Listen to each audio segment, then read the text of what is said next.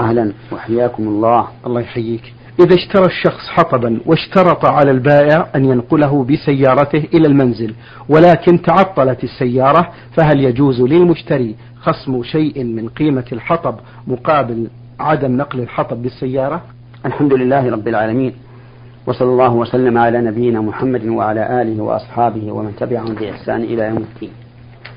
آه، إذا اشترى الرجل من شخص حمولة حطب واشترط على البائع أن يحملها إلى بيته ولكن تعطلت السيارة فلم يستطع فإن للمشتري أن يخصم على البائع مقدار ما مقدار ما فاته من حمل الحطب. لأن البائع قد التزم به ومعلوم أنه بالتزامه به سوف تزيد قيمة الحطب. نعم.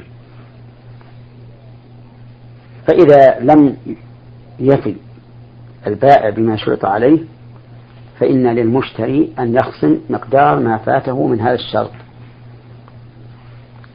لكني لكني أرى من باب المشورة والنصيحة أنه إذا كان عدم إيصال الحطب إلى بيت المشتري بغير اختيار البائع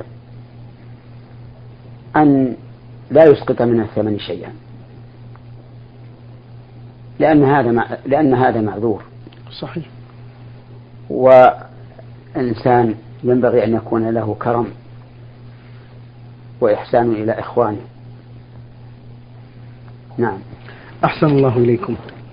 السائلة تاميم را تقول في يوم لكن قل لي لو أن لو أن البائع نعم. لما تعطل بالسيارة وقال المشتري لا بد أن نخصم من الثمن مقدار ما فات قال أنا أستأجر سيارة وأوصل. ففي هذه الحال لا يكون للمشتري أن يخصم شيئا. نعم. السائلة أن تاميم را تقول في يوم من الأيام كان علينا درس تلاوة قرآن فجاءها الحيض آه، فقال لها البعض يجوز لك أن تلمسي وتتصفح القرآن في حالة التعليم فقط وبعضهم قال لا يجوز لك ذلك فما الصواب في ذلك مأجورين؟ الصواب في ذلك والعلم عند الله عز وجل أنه لا يجوز لمن لم يكن على وضوء أن يمس المصحف إلا نعم. بحال وأما قراءة القرآن للحائض فإنه لا بأس به لا بأس بها. إذا كان المقصود التعليم أو التعلم أو أوراد الصباح أو المساء. وأما إذا كان قصد الحائض من قراءة القرآن التعبد بذلك فإن فيه خلافا بين العلماء منهم من يجيزه ومنهم من لا يجيزه. والاحتياط أن لا تقرأ للتعبد لأنها إذا قرأت للتعبد دار الأمر بين أن تكون آثمة أو مأجورة ومعلوم أن من الورع أن يترك الإنسان ما يريبه إلى ما لا يريبه. حفظكم الله فضيلة الشيخ. زوجة تحلف أيمانا كاذبة وتسب أم الزوج وإخوانه ما نصيحتكم لهذه الزوجة؟ نصيحتي لهذه الزوجة أن تكون حسنة الآداب مع أم زوجها. لأن ذلك مما يزيد زوجها رضا عنها. ومما يزيد الزوج إحسانا في عشرتها. وهي مأجورة على ذلك. وإذا ساءت العشرة بين. بين الزوجة وأم الزوج أو أبي الزوج أو أقارب الزوج فالغالب أن أنها تسوء العشرة بين المرأة وزوجها أيضا. فتكون حياتهما نكدا. وربما يحدث بين الزوجين أولاد فيسوءهم أن يروا أمهم وأباهم على هذه الحال. فنصيحتي للزوجة أن تصبر وتحتسب وتحسن إلى أم زوجها وأبيه ومن يعز عليه من الأقارب. كما أني أنصح أيضا بعض الأزواج الذين يريدون من زوجاتهم أن يكن خدما لأمهاتهم. وهذا غلط محض. الزوجة ليست خادمة لأم الزوج ولا لأبي الزوج. وخدمتها لأم الزوج وأبي الزوج معروف منها وإحسان. ليس مفروضا عليها. أما خدمتها لزوجها فهذا يرجع إلى العرف. فما جرى العرف بأنها تخدم زوجها فيه وجب عليها خدمته فيه وما, لا ج... وما لم يجد به العرف لم يجب عليها. ولا يجوز للزوج أن يلزم زوجته بخدمة أمه أو أبيه أو أن يغضب عليها إذا لم تقم بذلك وعليه أن يتقي الله ولا يستعمل قوته ضد ضعفها فإن الله تعالى فوقه وهو العلي الكبير عز وجل. قال الله تعالى فإن أطعنكم فلا تبغوا عليهن سبيلا إن الله كان عليا كبيرا. نعم. أحسن الله إليكم يا شيخ. رجل تزوج امرأة وأنجبت له أولادا ويريد أن يتزوج ببنت أخت زوجته. هل يجوز ذلك؟ بنت الأخت تكون الأخت خالة لها. وقد قال النبي صلى الله عليه وعلى آله وسلم لا يجمع بين المرأة وعمتها ولا بين المرأة وخالتها. فلا يحل له أن يتزوج بنت أخت زوجته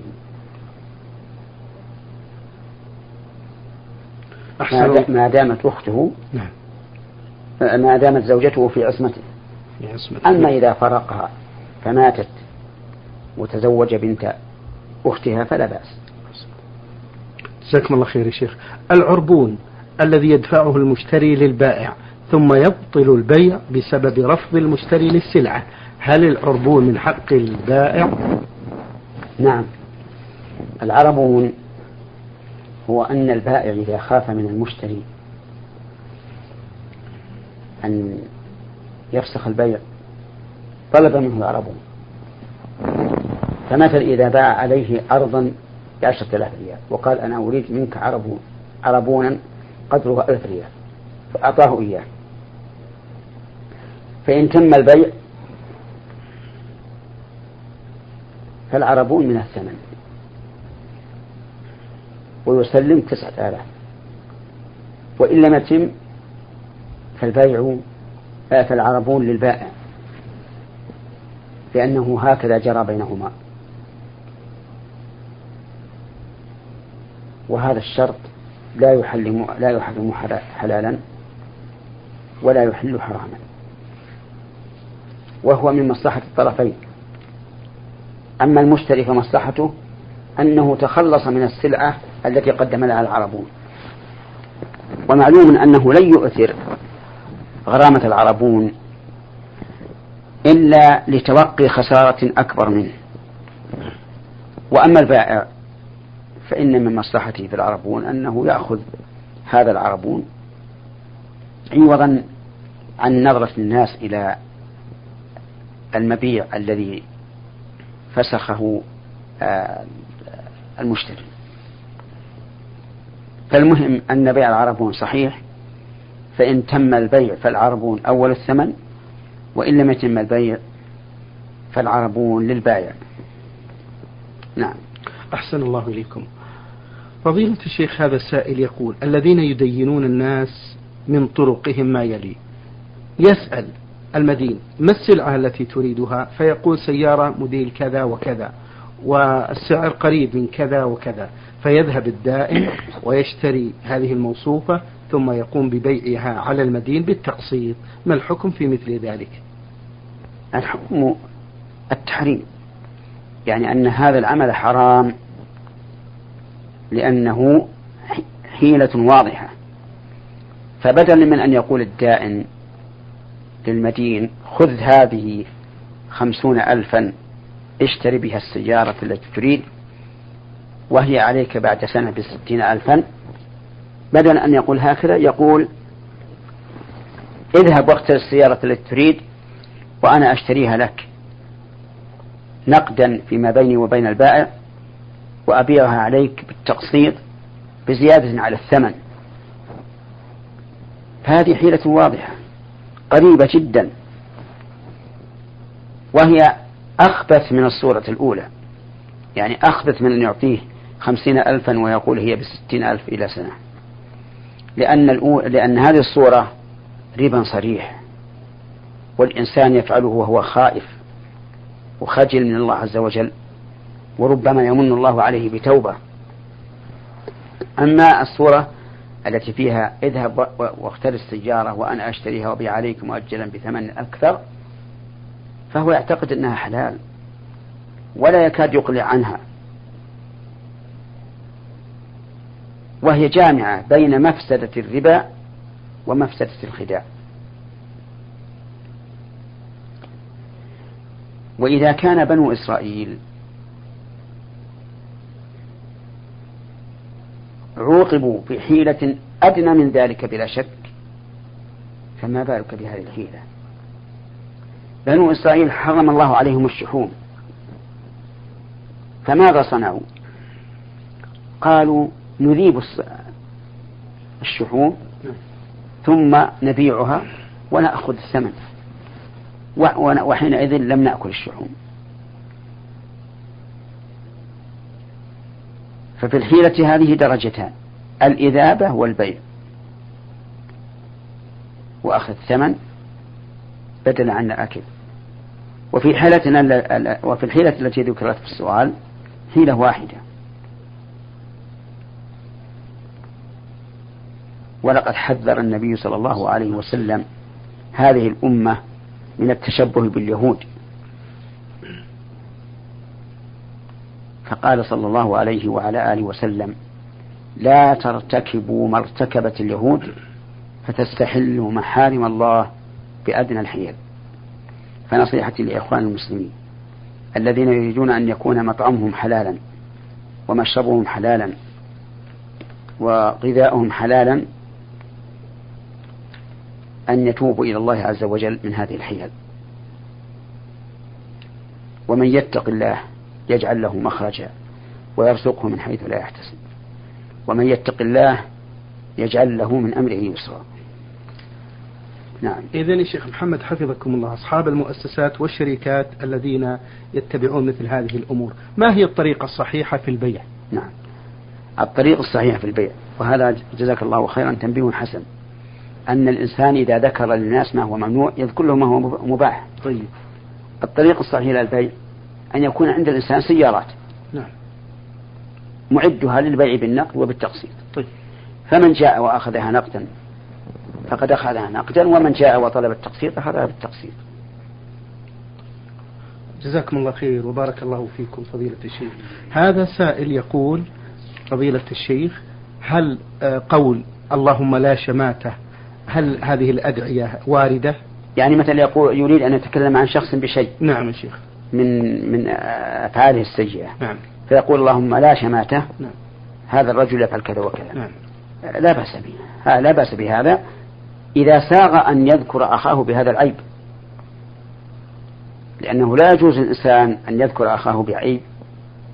فإن ذلك من الغيبة. وقد نهى الله تعالى عن الغيبة وصورها بأبشع صورة فقال ولا يغتب بعضكم بعضا أيحب أحدكم أن يأكل لحم أخيه ميتا؟ فكرهتموه. واتقوا الله إن الله تواب رحيم. نعم لو قال على سبيل العموم لو قال اللهم لا شماتة بعض الناس يفعل كذا وكذا. نعم هذا لا بأس لأنه لم يعين من, من تكلم فيه والمخاطب لا يدري من هو. نعم. أحسن الله إليكم. يقول السائل هل يجب تغطية الرأس بالنسبة للرجل عند الصلاة بقبعة أو نحوه؟ لا يجب تغطية الرأس لأن العورة الواجب سترها لأن العورة الواجب سترها ما بين السرة والركبة. ولكن ينبغي للإنسان إذا أراد أن يصلي أن يصلي بأحسن بأحسن لبسة يلبسها الناس. في زمانه ومكانه. لقول الله تبارك وتعالى يا بني آدم خذوا زينتكم عند كل مسجد. فإذا كان عنده غترة فالأفضل أن يلبسها لأن ذلك من أخذ الزينة بالنسبة لعرفنا هنا في السعودية. نعم يا شيخ. قد يكون في بعض البلاد لا يهتمون بتغطية الرأس. وتتم الزينة عندهم بدون تغطيته فلكل بلد حكم نفسه. والمهم أن تلبس أو أن تأخذ الزينة عند كل صلاة. نعم. السائل ميم نون من المدينة النبوية يقول أسأل عن هذا الدعاء هل هو وارد؟ ما حكم؟ اللهم يا من لا تراه العيون ولا يصفه الواصفون. هذا غلط. هذا غلط عظيم. لأنه إذا قال اللهم يا من لا تراه العيون وأطلق صار في هذا إنكار لرؤية الله تعالى في الآخرة. وقد ثبت عن النبي صلى الله عليه وسلم أن المؤمنين يرون ربهم يوم القيامة عيانا بأبصارهم كما يرون الشمس صحوا ليس دونها سحاب وكما يرون القمر ليلة البدر. الله أكبر. وقد أنكر قوم رؤية الله عز وجل. وقالوا إن الله لا يرى لا في الدنيا ولا في الآخرة.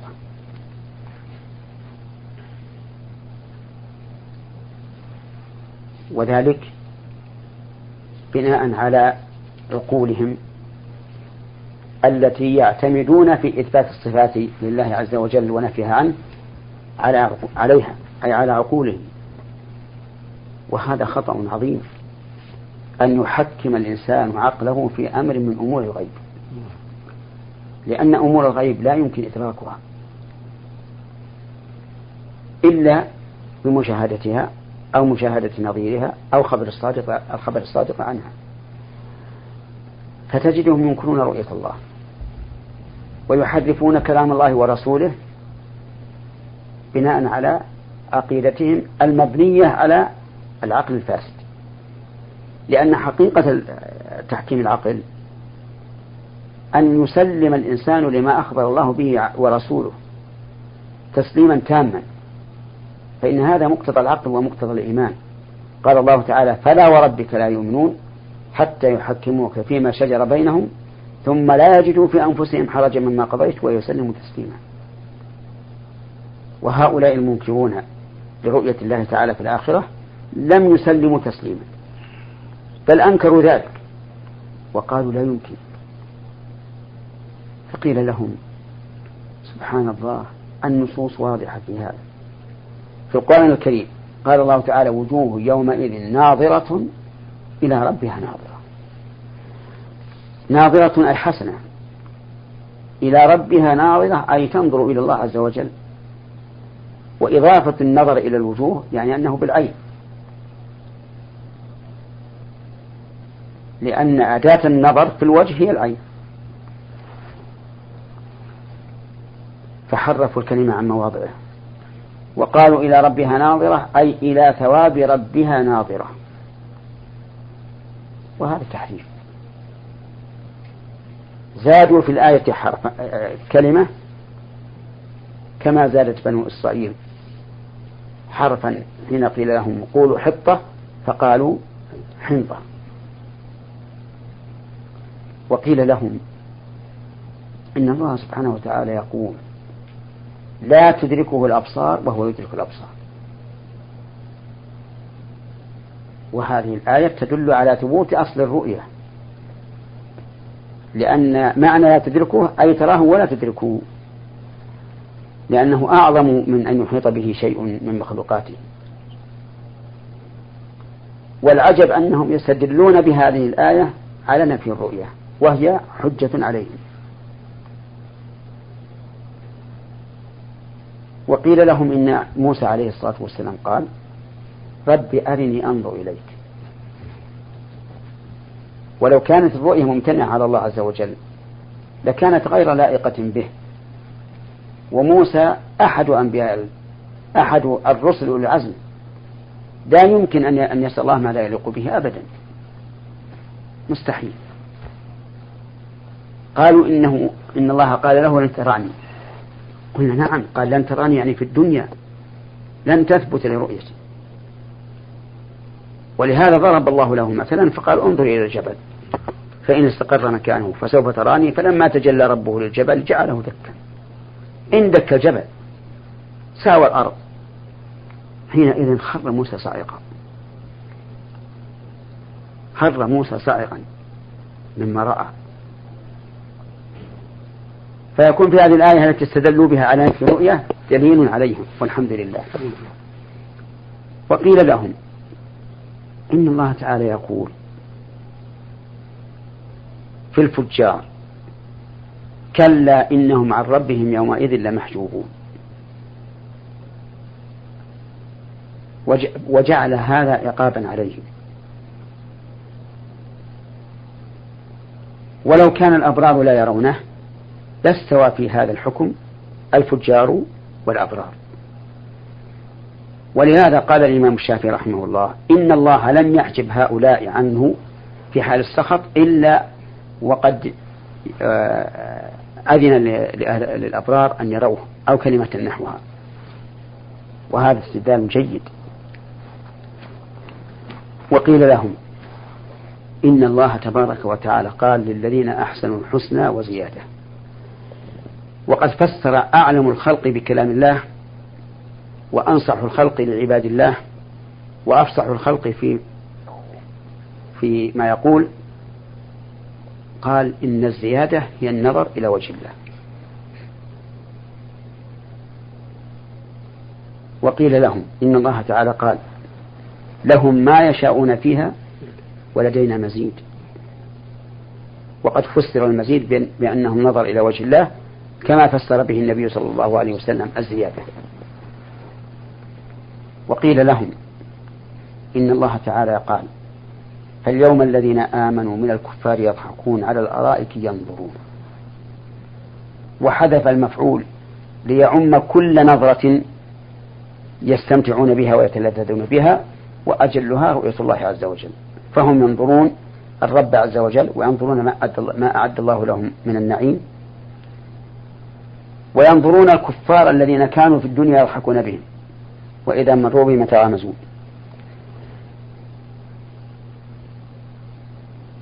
وقيل لهم إن النبي صلى الله عليه وسلم وهو أعلم الخلق بالله وأنصحهم لعباد الله وأفصحهم في المقال وأسدهم في القول.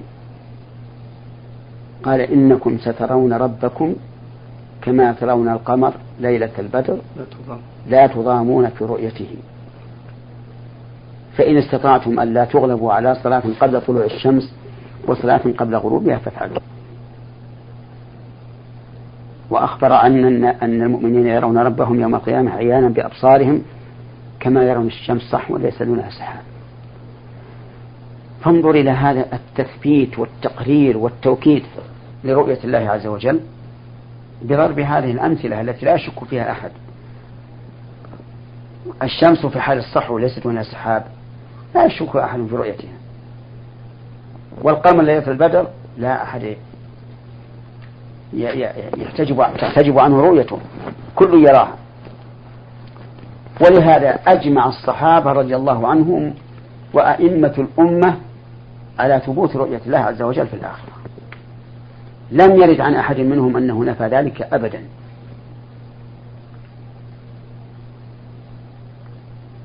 وأدنى ما يقال لهؤلاء ائتوا إلينا. لنجلس في أحد المساجد. ولندعو الله عز وجل. فنقول اللهم من أنكر رؤيتك في الآخرة فاحرمه منها يا رب العالمين. لا أظن أن يثبت لهم قدم على ذلك أبدا. لن يجسروا أن يأتوا ويدعون ويدعو الله عز وجل بهذا الدعاء. مما يدل على أنه أن إيمانهم بانتفاء الرؤية ليس إيمانا عن يقين. والخلاصة أن رؤية الله سبحانه وتعالى ثابتة في القرآن والسنة وإجماع السلف.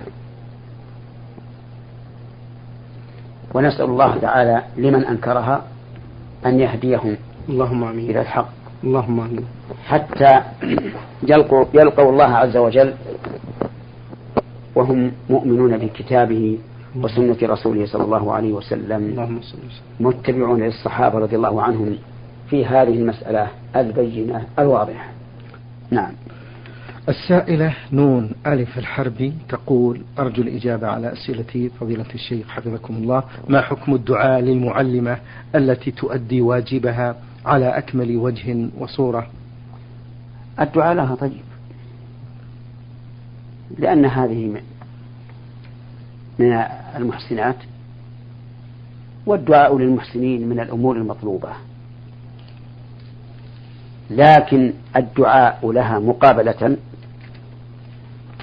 إن خشي منه فتنة بأن تزهو المعلمة بنفسها أو تحابي هذه التي دعت لها فلا تدعو أمام أمامها. يكون دعاؤها لها وهي لا تسمع. نعم. شكر الله لكم يا فضيلة الشيخ وبارك الله فيكم وفي علمكم ونفع بكم المسلمين. أيها الإخوة المستمعون الكرام أجاب على أسئلتكم فضيلة الشيخ محمد بن صالح بن عثيمين الأستاذ في كلية الشريعة وأصول الدين في القصيم وخطيب وإمام الجامع الكبير في مدينة عنيزة. شكر الله لفضيلته وشكرا لكم أنتم. وفي الختام تقبلوا تحيات زميلي مهندس الصوت سعد عبد العزيز خميس. والسلام عليكم ورحمة الله وبركاته. نور على الدرب. برنامج يومي يجيب فيه أصحاب الفضيلة العلماء على أسئلة المستمعين. البرنامج من تقديم وتنفيذ عبد الكريم ابن صالح المقرن